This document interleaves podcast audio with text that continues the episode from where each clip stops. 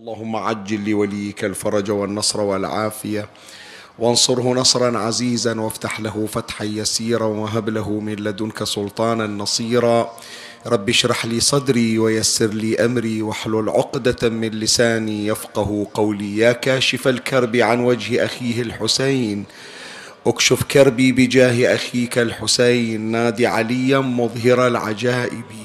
تجده عونا لك في النوائب. كل هم وغم سينجلي بولايتك يا علي. يا علي يا علي يا أبا الغوث أغثني. يا فارس الحجاز أدركني بلطفك الخفي ولا تهلكني. يا مولاتي يا فاطمة بنت محمد أغيثيني يا سيدتي. صلى الله عليك يا سيدي ويا مولاي يا رسول الله. صلى الله عليك وعلى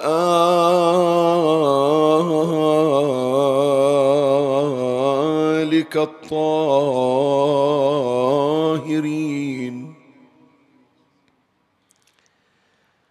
فاز من اعتصم بكم وامنا من لجأ إليكم. السلام عليك يا مولاي يا أبا عبد الله.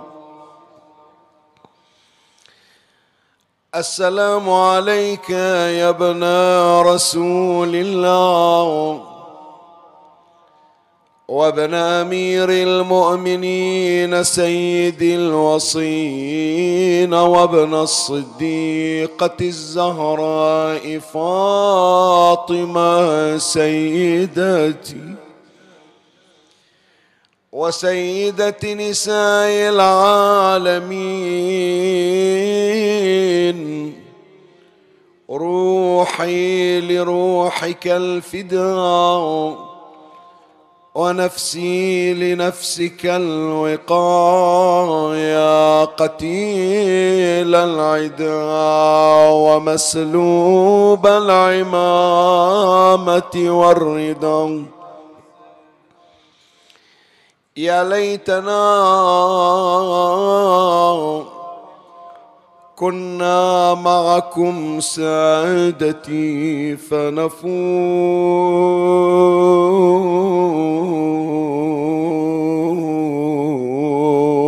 فوزا عظيما. يا غريب يا مظلوم كربلاء. أنا زار أنا زار. أنا زار نضو برود التهاني فحسين على البسيطة عاري.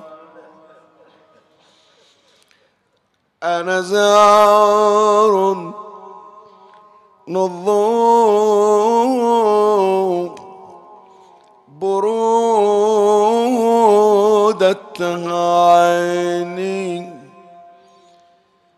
فحسين على البسيطة عاري. لا تمدوا لكم لا لا تمدوا لكم عن الشمس ظلا. لا تمدوا لكم عن الشمس ظلا إن في الشمس مهجة المختار. لا تذوقوا المعين وقضوا طاشا بعد ضام القضاء بحد الغرار. لا تشقوا لآل فهر قبورا. فابن طه ملقا بلائق باري لا تشقوا لآل فهر قبورا. فابن طه مرمي بلا إقباري حق أن لا تكفنوا هاشميا. حق أن لا تكفنوا هاشميا. بعدما كفن الحسين الذاري طاطئ الروس طاطئ الروس. إن رأس حسين حملوه فوق القنا الخطاري اليوم راس حسين على رمح طويل يطاف به في سكك الكوفة. يقرأ القرآن من فوق رمحه أم حسبت أن أصحاب الكهف والرقيم كانوا من آياتنا عجبا؟ إذا سمعوا صوت حسين يقرأ القرآن رموا الرأس الشريف بالحجار. طاطئ الروس إن رأس حسين حملوه فوق القنا الخطار. يا صاحب الزمان هتكوا عن نسائكم كل خدر. هتكوا شلون جرأة؟ هتكوا عن نسائكم كل خدر. هذه زينب على الأكوار إحنا قصدنا المشرعة وجينا المغارة وشفنا جسد مرضوض وتركنا حيار.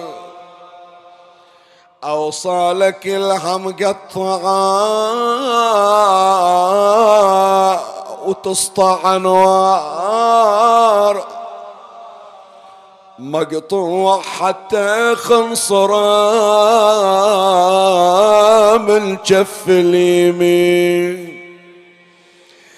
بالشمس مرمي على الوجه عريان مسلوق. وقلب العدو من شوفته ينفت ويذو مطعون بضلاعه وقلبه بسهم مصيوم ويما رضيعة ونضين هذه جثة حسين. صوبة ولد مثل القمر نوري تلاله حتى جمال المصطفى يشبه جمال. ملفوف في بردة ومتقطعة وصالة. الله يساعد قلبها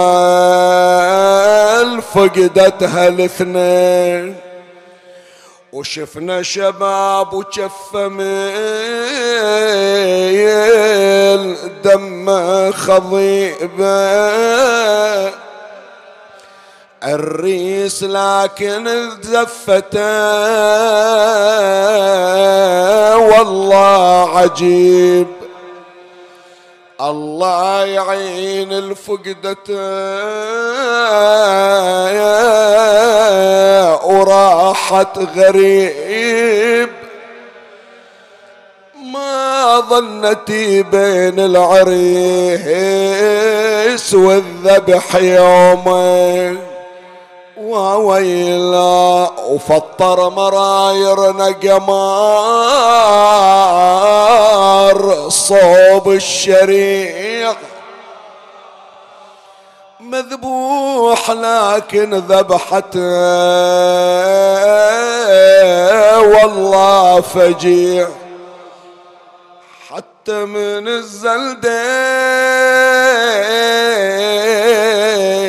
الزلدين شفينا قطيع مفضوخ راسه والسهام في محجر العين ومن شوفة تلوح الشجاعة وشدة الباء زنودة بلا جفين والجثة بلا. انظر عليه الفارسي. المعروف عبا قطعوا على جود العدا شماله واليمين كلهم بلي روس وحزني عليهم. ما حد دل من الخلق صلى عليه. إلا طيور من السماء ظلل عليه واجسادهم داست عليها الأعوجيان إنا لله وإنا إليه راجعون. أعوذ بالله من الشيطان الرجيم. بسم الله الرحمن الرحيم. وسيق الذين اتقوا ربهم إلى الجنة زمرا حتى إذا جاءوها وفتحت أبوابها وقال لهم خزنتها سلام عليكم طبتم فادخلوها خالدين. آمنا بالله. صدق الله مولانا العلي العظيم. هدية إلى إمامنا الحسين بن علي. سلام الله عليهما بنية العود والتشرف بهذه الخدمة ثلاثا بأعلى الأصوات الصلوات.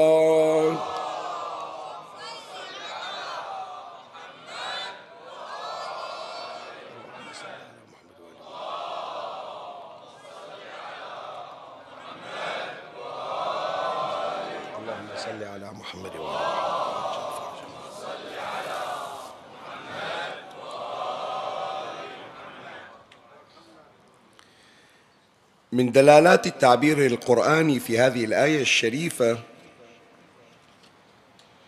أن المؤمنين والمتقين في يوم القيامة حينما يؤذن لهم بالدخول إلى الجنة فإن هذا الدخول يكون على هيئة موكب مهيب من الله تبارك وتعالى تكريما للمؤمنين والمتقين.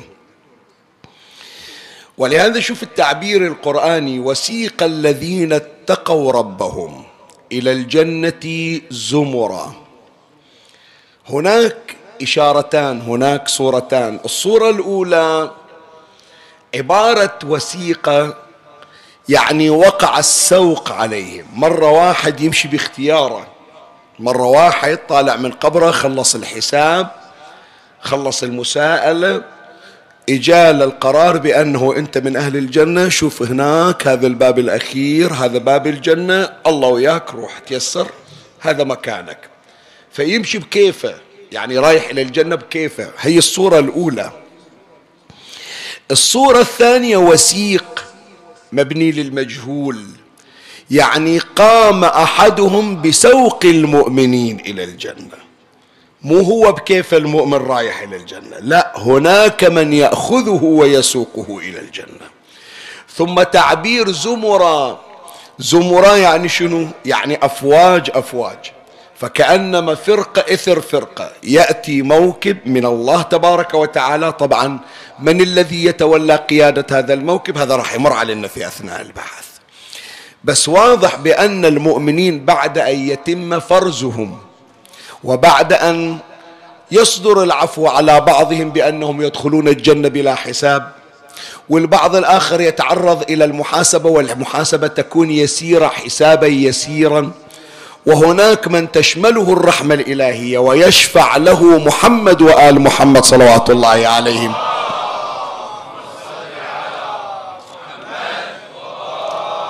كل المؤمنين والمتقين الذين يكون مصيرهم إلى الجنة لا يمشي أحد بمفرده لا يذهب أحد إلى الجنة بمفرده. هناك تشريفات هناك طقوس هناك مراسيم ومن المراسيم أن موكبا يقوم بزف المؤمنين إلى الجنة. عبر عنه القرآن الكريم بالزمر. فلهذا شوف لما تقرأ سورة الزمر شنو يعني؟ ترى فيها إشارة إليك إلى أنه سوف تأتي إلى الجنة إن شاء الله في مواكب. شوف عاد أنت في أي موكب. هل الموكب الأول؟ هل الموكب الذي فيه أهل البيت؟ هل المواكب التي تأتي فيما بعد؟ هذول ياخذونهم إلى الجنة. وهذه صورة من صور رحلتنا إلى الجنة ووصولنا إلى مقرنا الأخير والنهائي. الذي كافحنا من أجل الوصول إليه وجاهدنا أنفسنا من أجل أن نكون من أهل تلك المحله وذلك المقام من أهل الجنة. الحلقة الثالثة من السلسلة التي جاءت استدراكا للسلسلة الأولى. العشرة الأولى من واحد إلى تسعة شهر محرم. إحنا كانت عندنا سلسلة بعنوان عالم البرزخ العالم المفضل القادم. إجت سلسلة مكونة من حلقات ثلاث منذ يومين مضيا وهذا هو اليوم الثالث. ماذا بعد عالم البرزخ؟ عالم البرزخ ليس العالم النهائي. العالم النهائي عالم الجنة التي نخلد فيها.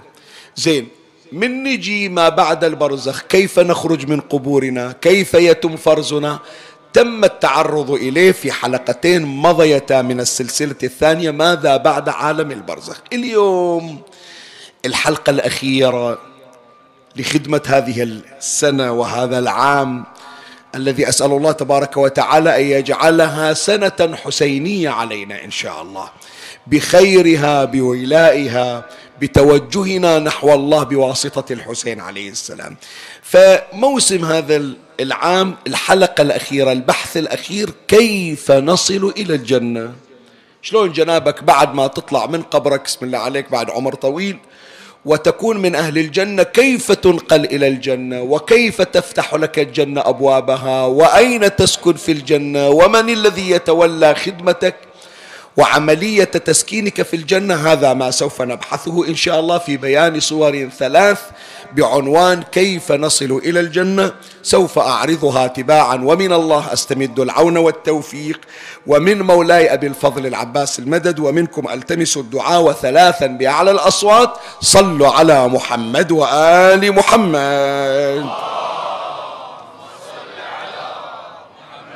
اللهم صل على على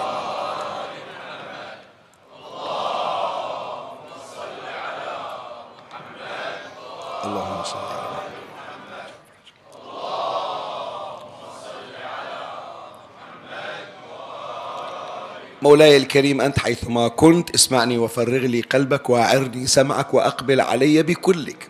سلسلة بعنوان ماذا بعد عالم البرزخ؟ تشتمل على حلقات ثلاث. انتهينا من حلقتين وهذا البحث والحلقة الثالثة. وعنوان هذا البحث كيف نصل إلى الجنة؟ أشير إلى صور ثلاث. أما الصورة الأولى من الذي يأخذنا إلى الجنة؟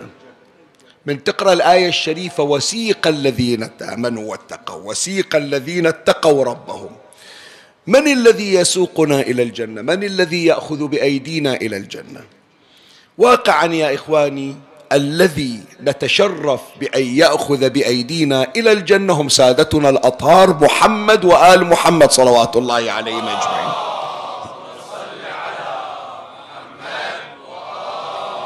وعلى رأس قائمة أئمة أهل البيت الذي يتولى عملية إيصالنا إلى الجنة وهي مهمة من مهامه أمير المؤمنين علي بن أبي طالب. سلام الله عليه. أمير المؤمنين هو السائق الذي يسوقنا إلى الجنة وهو الذي يستلمنا من بعد خروجنا من القبر وبعد فراغنا من الحساب.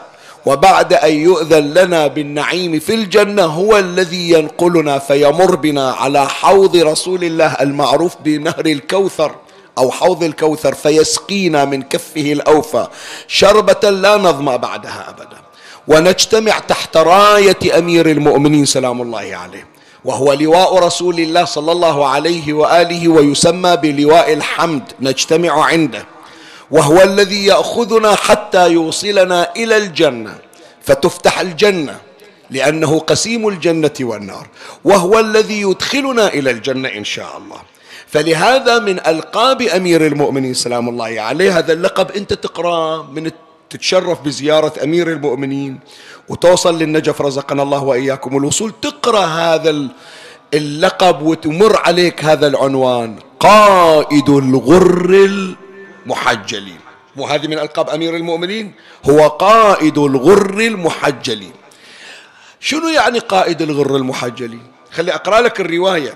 الرواية عن أمير المؤمنين سلام الله عليه في خطبة من خطبه في بحار الأنوار الجزء الرابع الصفحة تسعة.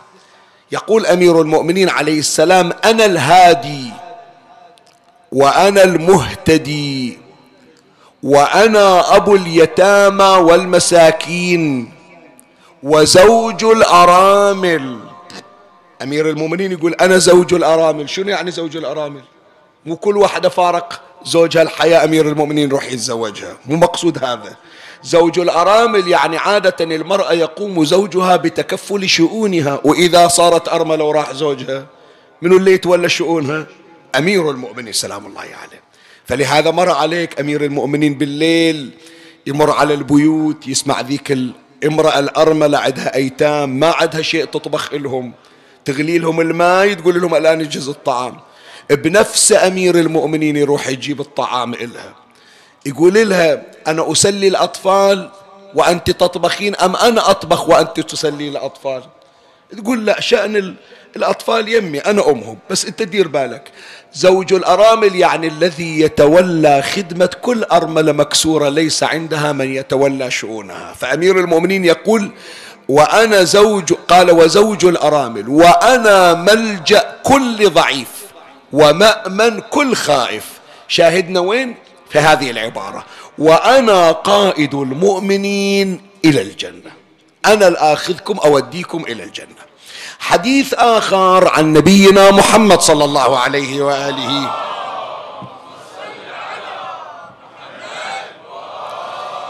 الحديث في بحار الأنوار الجزء 65 صفحة 46 يقول رسول الله صلى الله عليه وآله لأمير المؤمنين عليه السلام يا علي بشر إخوانك فإن الله عز وجل قد رضي عنهم إذ رضيك لهم قائدا اختارك الله أنت توديهم الجنة. بشر إخوانك فإن الله عز وجل قد رضي عنهم إذ رضيك لهم قائدا ورضوا بك وليا. يا علي أنت أمير المؤمنين اسمع وقائد الغر المحجلين. طيب هذه المفروض عنوان قائد الغر المحجلين. خلاص بات معروف نعرف يعني شنو الغر وشنو محجلين وشنو أمير المؤمنين قائد الغر المحجلين. لأن هذا الموضوع كررناه أكثر من مرة. بس من باب إنعاش الذاكرة وأيضا حتى أولادنا يعرفون هذه المعلومة. شنو يعني الغر المحجلين؟ وشلون أمير المؤمنين قائد الغر المحجلين؟ الغر المحجل هذه صفة من صفات الخيول. الخيل عادة بعض الخيول من تجي عند مثل البقعة البيضاء من خلقته أول ما يجي الخيل على الناصية على الجبهة على الجبين. من يجي الخيل هذا؟ بعض الخيول مو كل الخيول. فمن يصير عنده هو لونه أدهم لونه أسود لونه أحمر وأكو بقعة بيضاء على ناصيته. يسمون الفرس يقولون هذا أغر. أغر يعني شنو؟ يعني عنده بقعة بيضاء على وجهه. هذا الأغر. جمع الأغر غر. المحجل شنو؟ بعض الخيول مو بس عنده بقعة بيضاء بالناصية حتى أقدامه. تشوف من خلقته؟ أقدامه رجلينه بها بياض. الله خالقنا بلون أبيض. اخذوا هذه الصفة الخاصة بالخيول طبقوها على المؤمنين. المؤمن الذي يتولى أمير المؤمنين سلام الله عليه من يطلع من قبره يوم القيامة نور يشع من جبهته مثل الخيل اللي عنده ضوء أو عنده بقعة بيضاء على وجهه هو أحمر وأكو بقعة بيضاء على وجهه. وعند نور يشع من أقدامه. زين من وين جاي هذا النور؟ إلا بالجبين وبالرجلين. هذا إحنا الدرس المستفاد. هذه ببركات الوضوء والمسح على الراس وعلى الرجلين. شايف جنابك من تتوفق للوضوء؟ هذا المسح بقية البلل اللي تمسح به على مقدم الراس وعلى الرجلين اللي إحنا نسميه التثبيت. ترى هذا أثر النوراني شنو؟ يوم القيامة يشع منه نور. فيجي أمير المؤمنين يدور ذولا إيش معنى ذولا؟ البقية ما عندهم مسح. عندهم شنو؟ غسل. المسح هذه من صفات مذهب أمير المؤمنين سلام الله عليه. خط علي بن أبي طالب فينقيهم أمير المؤمنين يبحث عنهم يدورهم ياخذهم أصحاب الأنوار اللي في نواصيهم وأقدامهم. سموهم مثل الأف مثل الأفراس مثل الخيول غر يعني عنده نور من جبهته ومحجل يعني عنده نور من أقدامه. ياخذهم أمير المؤمنين يصعدهم على نجب الجنة ويمشي بهم إلى الجنة. شو نستفيد يا إخواني؟ أولادي حطوا بالكم. من نوقف للصلاة. مرة الشيطان يجي يوسوس لي يلا بسرعة خلص ليش بعد هالتأني والتوقف في الوضوء؟ لا اعطيه حقه وضوءك اعطيه حقه. وضوءك ترى هذا جوازك. وضوءك هذا اللي أنت اليوم مستخف به ما إلك خلق توقف وتاخذ وضوء بشكل مرتب. أو بسرعة تحط إيدك على راسك أو على رجلك وما تعطيها اهتمام وبسرعة تقول خلي أصلي أصلي وأفتاك. ترى هذا جوازك يدورك أمير المؤمنين من وضوءك. من هذا النور الذي يشع من رأسك ومن قدمك. وإذا رأى علي هذا النور من بعيد جاء إلى صاحبه فأخذه وقاده إلى الجنة. ليش أضيع على نفسي بركة التشرف باختيار أمير المؤمنين؟ سلام الله عليه. فإذا واحد من الذين يأخذوننا إلى الجنة أمير المؤمنين علي بن أبي طالب سلام الله عليه ومنه سمي أمير المؤمنين بقائد الغر المحجلين. زين. وي أمير المؤمنين من الذي يأخذنا إلى الجنة؟ الرسمي المتكفل بإيصالنا المتكفل بإيصالنا إلى الجنة هو أمير المؤمنين. بس اكو اشخاص هم أيضا يريدون يجون ويا علي بن ابي طالب. من هم سادتنا محمد وآل محمد صلوات الله عليهم.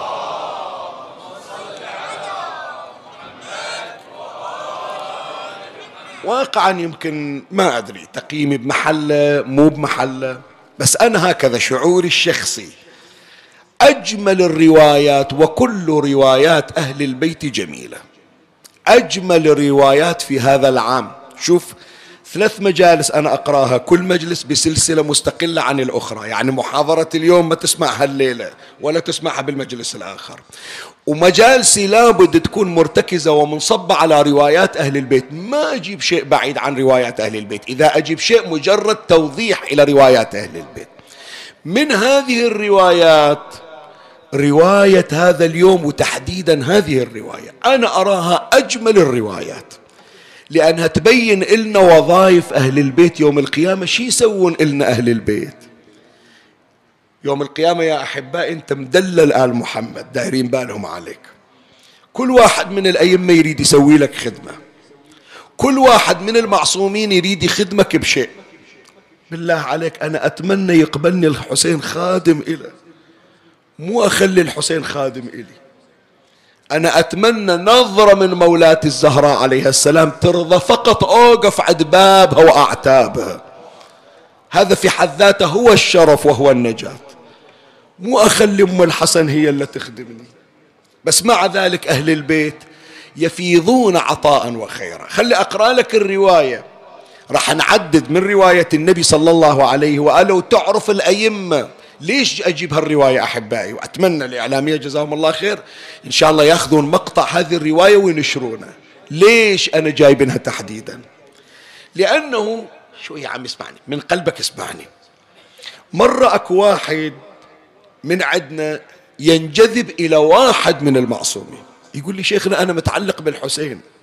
واحد يقول أنا متعلق بصاحب الزمان. واحد يقول أنا متعلق بالإمام الرضا عليه السلام. واحد يقول أنا شغفي برسول الله صلى الله عليه وآله. ما عند ذاك الانجذاب نحو الإمام الباقر كثر الانجذاب للإمام الحسين. خليها تكون مكاشفة يعني. ما عند الانجذاب للإمام الهادي كثر انجذابه للإمام الرضا. ما عند انجذاب إلى الإمام العسكري كثر انجذابه إلى إمام صاحب الزمان عجل الله فرجه الشريف. بينما إذا قرأت هي الرواية راح تعرف بأن كل واحد من الأئمة عنده وظيفة يخدمك بيها والوظيفة أنت بحاجة إلها. وهذا الإمام اللي يمكن وقت من الأوقات ما أعطيته حق من العشق والتعلق. يمكن مخلي زيارة الحسين في الصدارة زيارة الإمام الرضا في الصدارة زيارة أمير المؤمنين في الصدارة. أخاف أقول إن شاء الله لا مو صعب. ما أقول أن زيارة سامراء هامشية. ما أقول بأن زيارة الكاظمية نص زيارة. لا ما مستعد أنه أقل من أسبوع أقعد بكربلاء. لكن عادي يوم واحد بالكاظمية. هي الرواية إن شاء الله راح تغير نظرتك نحو أهل البيت والتعلق بأهل البيت. الرواية عن نبينا محمد صلى الله عليه وآله.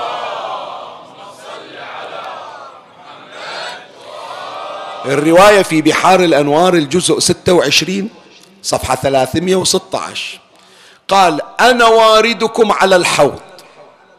الحوض اللي راح تشربون من عنده أنا أفتتحه. أنا واردكم على الحوض. وأنت يا علي الساقي.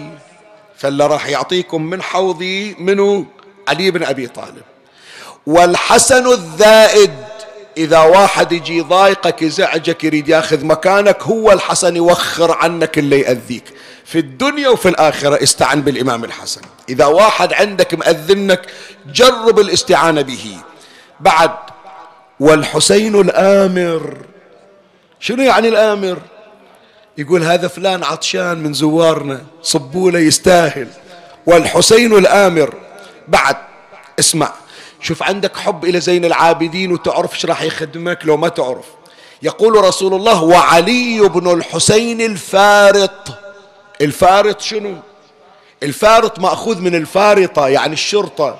يعني يجي زين العابدين قدامنا من يشوف أحد معترض طريقنا سووا طريق ذولا أحبائنا جايين. راح أفتح لهم الطريق إلى الحوض إلى المحشر إلى الجنة. قدامك جاي خدمك زين العابدين سلام الله عليه ومحمد ابن علي الناشر الإمام الباقر. شنو يعني الناشر؟ الناشر عمي من تطلع من قبرك تشوف الباقر واقف عند قبرك يقول جاي أنا أستقبلك أوديك إلى آبائي وأجدادي. هو اللي يوقف عندك في الاستقبال في حفلة الاستقبال. ومحمد بن علي الناشر وجعفر ابن محمد السائق قدامك يقول تفضل حياك ترى إحنا هاليوم مدخورين حتى نوديك للجنة. وموسى ابن جعفر باب الحوائج دخيلة سيدي. وموسى بن جعفر محصي المحبين والمبغضين وقامع المنافقين. اللي أذوك في الدنيا اللي سخروا من عندك. من تقول يا باب الحوائج قال قول الله ما إلك علاقة بآل محمد هذا شرك. يوقف موسى بن جعفر قال إحنا اللي الله خلانا الخير يأتي منا. الخير يأتي عن طريقنا. انت تعرف بالروايات يا إخواني نعيم الجنة اللي تسمع عنه. فواكه الجنة أنهار الجنة مياه الجنة كل نعيم الجنة. لا يأتينا نعيم في الجنة إلا بعد أن يمر على قصور محمد وآل محمد صلوات الله عليه.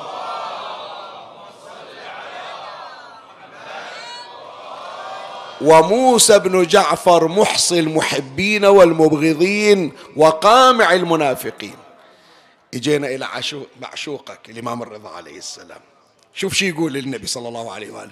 قال وعلي بن موسى مزين المؤمن. هو اللي يجهز هدومك. هو اللي يرتبك حتى يوديك إلى الجنة. يختار لك أفضل حلا يفضل لك يختار لك أفضل حلي وحلل أفضل مراكب ونجائب. يختار لك أفضل مكان يقول عندي مزين المؤمنين.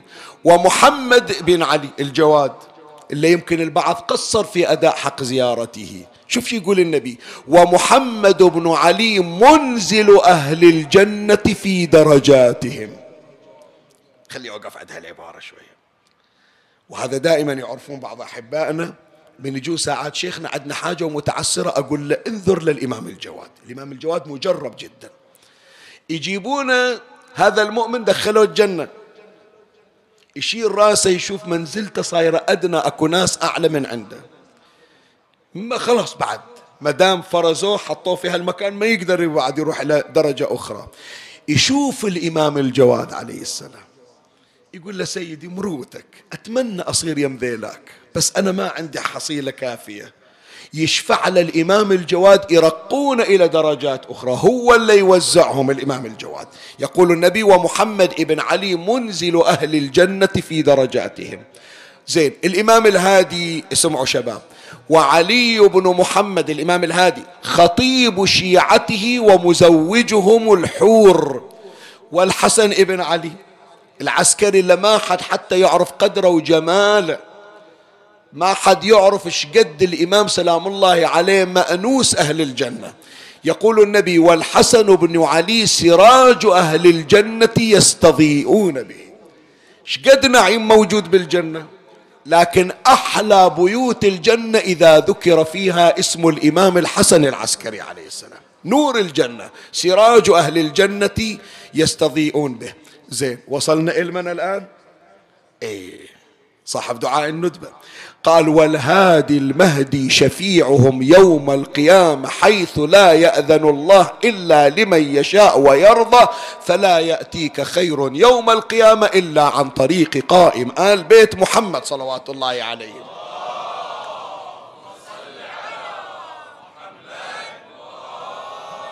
فالصورة الأولى يا إخواني صورة من يأخذنا إلى الجنة؟ أمير المؤمنين هو المتصدي وأهل البيت لهم وظائف في إيصالنا إلى الجنة. الصورة الثانية الجنة لها أبواب والأبواب مغلقة. وما تنفتح هي الأبواب إلا بالمفاتيح. واللي عنده مفاتيح الجنة منه أمير المؤمنين سلام الله عليه. وأولى الناس بفتح أبواب الجنة منه رسول الله صلى الله عليه وآله. خلنا نشوف صورتين من أجمل الصور. أولا كيف يأتي رسول الله صلى الله عليه وآله يقرع باب الجنة؟ خاف واحد يقول شيخنا خلاص ضمنا الجنة. الحمد لله أنا مصلي صلاة الليل وأنا أختم القرآن وأنا عندي أعمال فأنا ما بروح إلا الجنة. تنتظرني وفاتحة إلي أبوابها. لا عمي الجنة مو سايبة الجنة مالكنها سادة. وسيدا شباب أهل الجنة من هم؟ الحسن والحسين. وأشرف الخلق منه هو أبو القاسم محمد صلى الله عليه وآله. والرواية تقول يا إخواني لولا فضل النبي صلى الله عليه وآله بفتح باب الجنة كان حتى أعمالنا ما تطببنا الجنة إلا بشفاعة المصطفى وإلا برضاه. ترى لا تتصور أنت من تصلي تمن على الله بصلاتك. ترى هي تكريم لأهل البيت أن نشمل برحمتهم. ليش النبي يقول أنا الرحمة المهداة؟ يعني بي رحمتم فصرتم من أهل الجنة. فيأتي النبي يقرع باب الجنة وإذا فتحت أبوابها يدخلون الجنة بشفاعة المصطفى وبأهل بيته. أقرأ لك الرواية. الرواية يرويها العلامة المجلسي أعلى الله مقامه في بحار الأنوار الجزء الثامن صفحة 48 جدا رواية جميلة. يقول الإمام الصادق عليه السلام في مجيء النبي يوم القيامة قال فيقوم مدلا. مدلا يعني شنو؟ يعني الناس ما تدل الجنة وين صايرة. هو النبي دلهم ويقول لهم أنا أوديكم إلى باب الجنة وأفتح أبواب الجنة لكم. فيقوم مدلا حتى يأتي باب الجنة. فيأخذ بحلقة الباب أكو هناك حلقة على باب الجنة يحركها النبي صلى الله عليه وآله. فيأخذ بحلقة الباب ثم يقرعه. فيقال من هذا؟ من اللي جاي يدق باب الجنة هي ما نفتح حلقة أحد. فيقال من هذا؟ يحتاج صلوات مرتفعة من عندكم. فيقال من هذا؟ فيقول أحمد.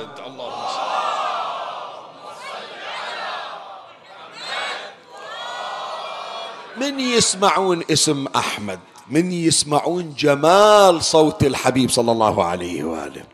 الجنة بعد كلها تصير في حالة فرح وسرور راح تتشرف الجنة الآن بقدوم النبي وبمقدم النبي صلى الله عليه وآله. فيقول أحمد فيرحبون ويفتحون الباب. فإذا نظر النبي فإذا نظر إلى الجنة خر ساجدا يمجد ربه بالعظمة. يشكر الله على هالنعمة. فيأتيه ملك فيقول ارفع رأسك وسل تعطى واشفع تشفع إلا تريد يا رسول الله. اليوم ماكو بعد واحد أكرم من عندك. فيرفع رأسه فيدخل من باب الجنة. أولا سجد عند باب الجنة بعدما دخل النبي إلى الجنة. الآن يوم قالوا له تفضل يا رسول الله واطلب اللي تريد حط النبي رجله بالجنة. أول ما يحط رجله بالجنة قال فيدخل من باب الجنة. فيخر ساجدا ويمجد ربه ويعظمه. فيأتيه ملك يجي ملك ثاني فيقول ارفع رأسك وسل تعطى واشفع تشفع. الإمام الصادق يقول فيقوم فما يسأل شيئا إلا أعطاه إياه إلا يريد يحصل النبي صلى الله عليه وآله. زين النبي يجي بس يحرك حلقة حلقة الباب بس أبواب الجنة مقفلة. وحتى تنفتح أبواب الجنة إلها خازن. خازن الجنة شو يسمونه؟ رضوان. الرضوان عاطينا مفاتيح الجنة. اسمع خلي أعطيك التسلسل الروائي. الله من خلق الجنة والنار خلى مسؤول على الجنة وخلى مسؤول على النار. المسؤول يسمونه خازن خازن الجنان يعني ما حد يسكن ما حد يتنعم ما حد يدخل الجنة إلا بأمر الخازن. ملك يسمونه رضوان.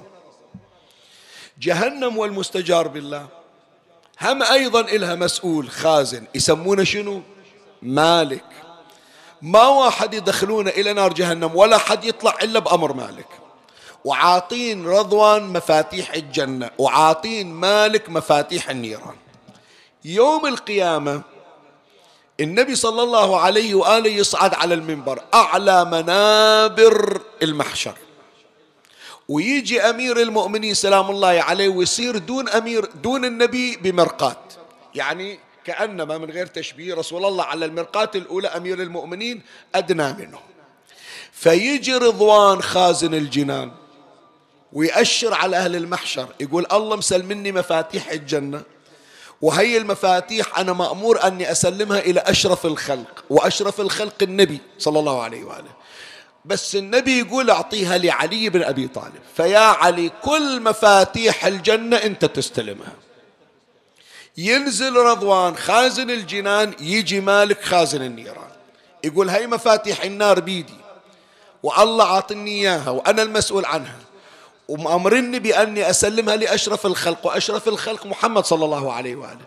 والنبي يقول أعطيها إلى علي فيدفعان له مفاتيح الجنة والنار. فعلي حتى تعرف معنى اللقب فعلي قسيم الجنة والنار. شنو يعني قسيم الجنة والنار؟ يعني النار مالته الجنة مالته. يدخل في الجنة من يشاء ويدخل في النار من يشاء.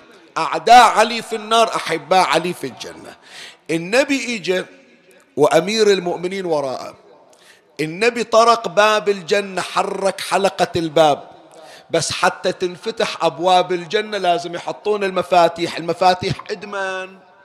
عند أمير المؤمنين سلام الله عليه. شوف هذا التلخيص الآن نقرأه في الرواية. الرواية عن المصطفى محمد صلى الله عليه وآله.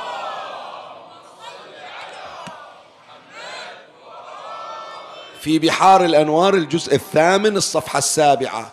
قال إن الله أعطاني في علي أنه متكئ بين يدي يوم الشفاعة يوم أشفع علي وياي.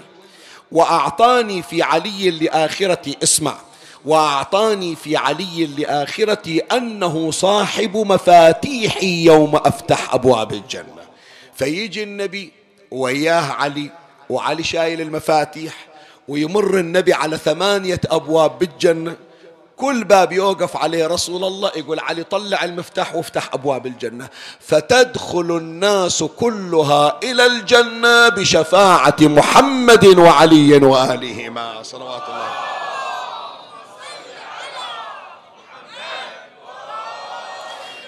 الرواية الأخيرة وهي ختام المجلس والصورة الثالثة والأخيرة. فتحوا إلنا أبواب الجنة. عمي مو بس طبيت فندق والفندق كله إلك لا.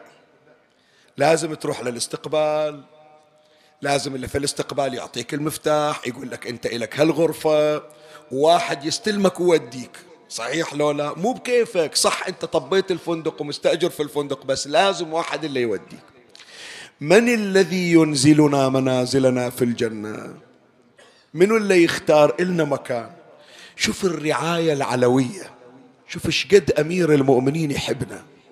شوف إيش قد أمير المؤمنين يدللنا. بالله عليك إحنا شايفين عمي كم واحد بواحد. الحملة دار جايب الحملة بس من التعب راح الحملة دار وعطى الكوادر قال سكنوا الحملة وأنا رايح أرتاح جدا راسي تعبان. وأمير المؤمنين مظلوم ومهموم. وجاي للجنة غير يرتاح. يقول لا ما أرتاح حتى تسكن شيعتي وأنزلهم منازلهم. خلي أقرأ لك الرواية وبها نختم المجلس. الرواية عن الإمام الباقر عليه السلام في بحار الأنوار الجزء السابع صفحة 337 قال ثم يدعى بنا في المحشر ينادون أهل البيت. ثم يدعى بنا فيدفع إلينا حساب الناس. فنحن والله ندخل أهل الجنة الجنة وأهل النار النار. ثم يدعى بالنبيين صلوات الله عليهم. فيقامون صفين عند عرش الله عز وجل حتى نفرغ من حساب الناس. تعرض عليهم الولاية. فإذا أدخل أهل الجنة الجنة وأهل النار النار شاهدنا في هالعباره بعث رب العزة عليا عليه السلام فأنزلهم منازلهم من الجنة وزوجهم. كل واحد اللي زوجته تصير وياه بالجنة اللي عنده الله عاطنا من الحوريات يزفهم أمير المؤمنين إليه. قال وزوجهم فعلي والله الذي يزوج أهل الجنة وما ذاك إلى أحد غيره. كرامة من الله عز ذكره وفضلا فضله الله به ومن به عليه.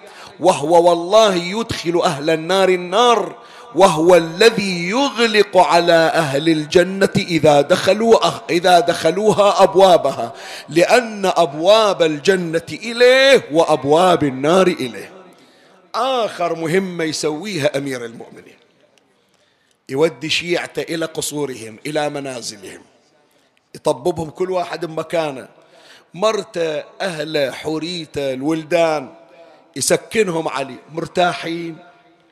كأنما لسان أمير المؤمنين. ها مرتاحين؟ وفينا إلكم لو لا ما قلنا راح نشفع لكم ما قلنا معاناة اللي حصلتوها بالدنيا راح نعوضكم عنها.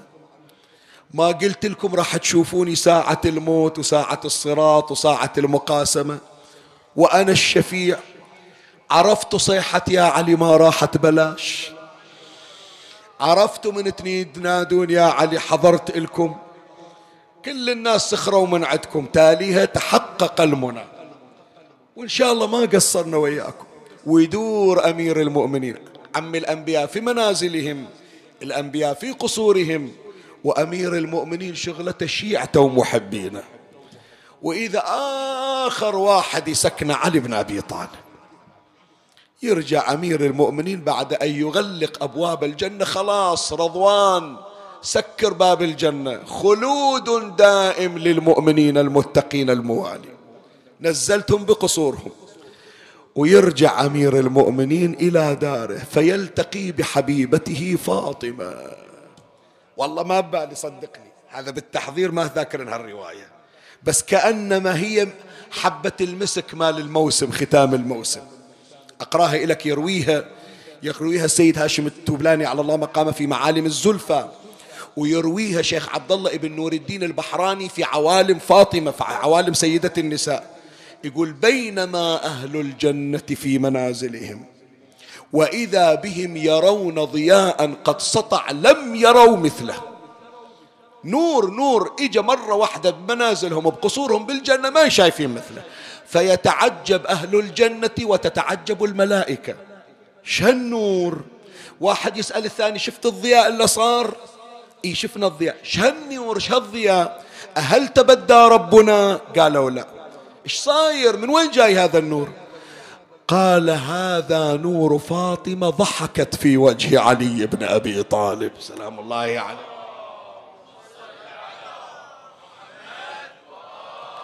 ولعل مولاة الزهرة سبب فرحتها من يخبرها أمير المؤمنين. ترى سكنة وشيعتنا. سكناهم تستانس أم حسين. وفرحة أم حسين تضيء لها الأكوان والعوالم. أبو حسين ليش تكلف على روحك؟ إحنا ندور راحتك يا أمير المؤمنين. إحنا نستاهل تدور علينا من بيت إلى بيت ومن قصر إلى قصر. شو مسوين حتى تتعنى لنا يا علي؟ يجينا يقول أمير المؤمنين أنا ما أخلي واحد محير. ما أخلي واحد. أنا أخلي ملك ياخذ واحد من باب الجنة وأنا موجود لا اخذه بيدي وأوديه إلى قصره. حتى لا يقول علي خلاني يوم وصلنا الجنة خلاني. فعلي ما يخلينا عمي لا في الدنيا ولا في الآخرة. بس خلى الغالي مرمي على ثلاث ثلاث على وجهه ثلاثة أيام. ما رضى على شيعته يوقفون يا أمير المؤمنين لو وقفنا على باب الجنة الجنة ما بها حرارة وما بها تعب. فمن زحزح عن النار وأدخل الجنة فقد فاز. بس مجرد الوقوف على باب الجنة فوز. ما ترضى توقفنا. يا علي رضيت أن يبقى ولدك حسين. ثلاثة أيام تصهره الشمس بحرارتها. سيدي كان رحت لذاك الغالي إلا وقفت بنتك زينب تحشب تقول أريد بس واحد يوصل إلى. يا علي يا علي وبليلة نحو المدائن سائرا فيها لسلمان بعثت مغسلا. أمخاطب الأذياب في فلواتها ومكلم الأموات في رمس البلا يا ليت في الأحياء شخصك حاضر وحسين مطروح بعرصة كربل شلون حال الغالي؟ عريان عريان يكسوه الصعيد. ملابسا أفديه مسلوب اللباس مسربلا مسربلا يا غيارا ولصدره تطع الخيول. وطالما بسريره جبريل كان مك... كان موكلا. ميت ميت ميت شنو السبب يا كرار. ميت يوم انذبح حتى العروض. ما جيت ميت ميت زينب تقول يا علي لا تحضر لو بلد في الميت. ميت لو تحضر إلى يا علي ميت تحضر وما حضرت في الغاضري تحضر وما حضرت في الغاضري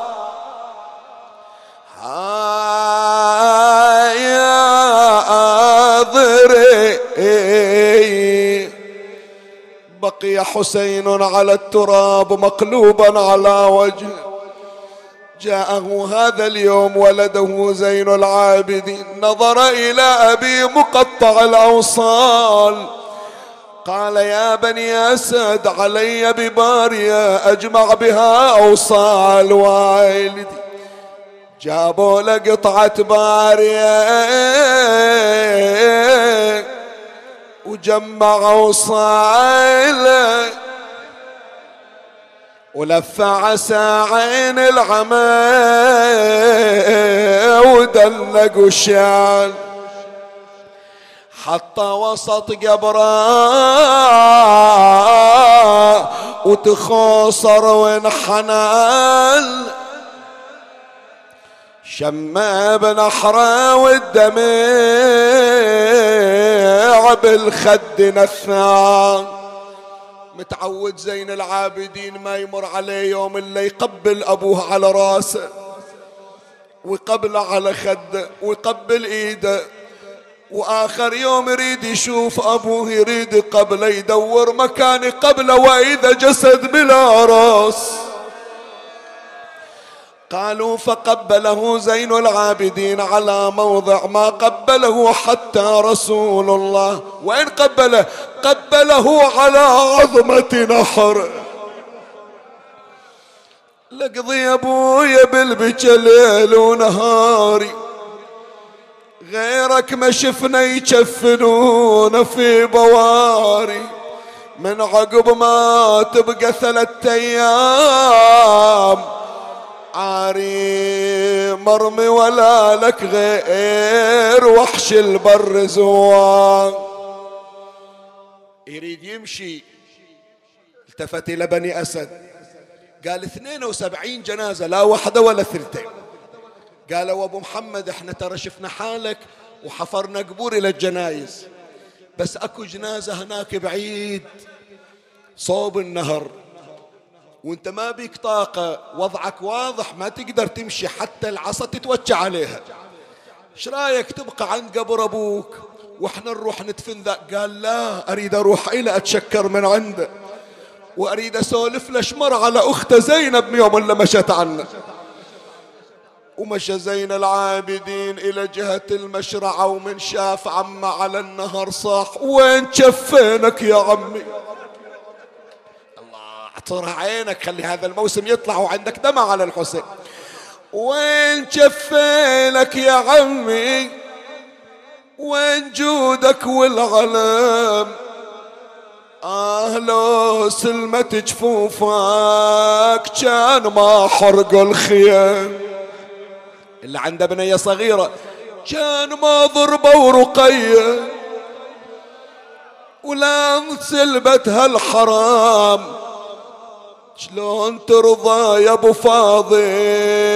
الوديعة محيرة سيدي قاعد ويانا نسوي فاتحة لأبوك سبعة أيام وانت بضيافتنا.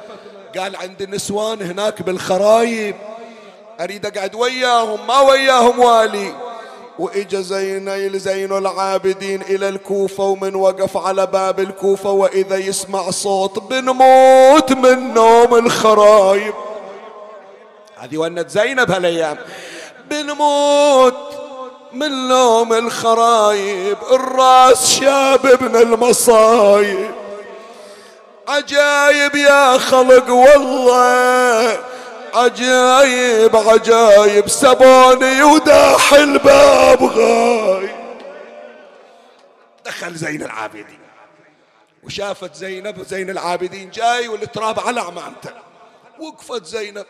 وإجت إلى ها أبو محمد من وين جاي؟ صار لك اليوم كامل ما شفناك وين تكين؟ قال عم توي جاي من كربلاء. قالت زاير نقول لك تقبل الله. قال لا يا عم مو زاير دفان دافن 72 جنازة. اسمع عاد زينب مسك الختام شو تقول له؟ تقول له هنيالك يا عم من شفتهم وبيدك يا حبيبي دفنتهم. أنا أسألك بيوم اللي شفتهم ما سألوك يا ابني عن اختهم خاف نسيوني؟ قال لا يا عم حتى من نحورهم تطلع الصوت عنك. قال تريد نشدك ماي الصوت تقول بإذني من ثلاثة أيام وأنا أسمع الصوت وحق جدي أنا عطشان ما طلب من عند الحسين طلب إلا جبته إلى إلا هالطلب ما لبيته. أريد أنشدك ماي شربت يا دفان رويت قلبه لو دفنت حسين.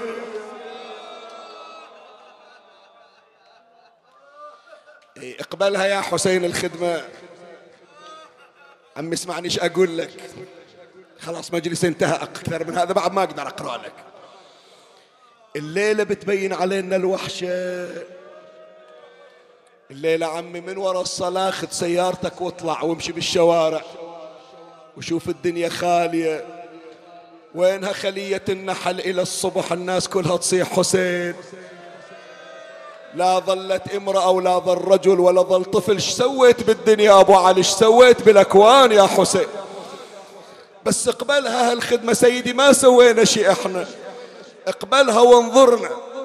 خلي أقول لك بس عمي من 13 خلاص نشفت دموعك وخلصت على الحسين. وراح تقول للحسين بعد بطلنا بواكي إلى الجاي انتظرنا لو تبقى العين تدمع عليك يا أبا عبد الله.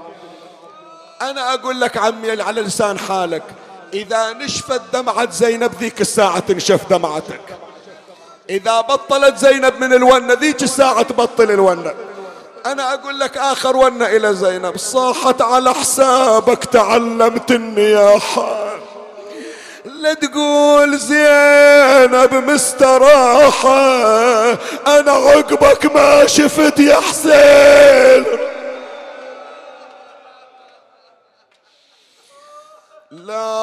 يذبح الكبش حتى يروى من ظمأ ويذبح ابن رسول الله عطشا. اللهم صل على محمد وآل محمد. يا قاضي الحاجات يا مجيب الدعوات يا سامع الشكايات اسمع لنا واستجب يا الله. يا من يقبل اليسير ويعفو عن الكثير. اللهم اقبل منا هذا اليسير. اللهم قدمنا بين يدي أعمالنا حب الحسين. اللهم لا تفرق بيننا وبين الحسين طرفة عين أبدا. كما أرزقتنا في الدنيا حب البكاء عليه وحب إحياء شعائره. أتم نعمتك علينا يا رب العالمين وارزقنا نظرة من سيدنا الحسين لا نشقى بعدها أبدا. تطهر بها قلوبنا وترزقنا بها توبة قبل الموت. اللهم ارزقنا رضاه فإن رضاه رضاك. واجعله يا ربي شفيعا لنا في دنيانا وآخرتنا وفي قبرنا وحشرنا ونشرنا. اقض به حوائجنا وحوائج المحتاجين وفرج عنا وعن المؤمنين. وعجل يا ربي فرج إمامنا صاحب العصر والزمان. شرفنا برؤيته وارزقنا شرف خدمته. ترحم على امواتي وأموات الباذلين والسامعين والمؤمنين. سيما من لا يذكره ذاكر ولا يترحم عليه مترحم. إلى موت المؤسسين وموت الباذلين موتاي وموتاكم. ولمن لا يذكره ذاكر نهدي ثواب هذه المجالس الشريفة وثواب الفاتحة مع الصلوات.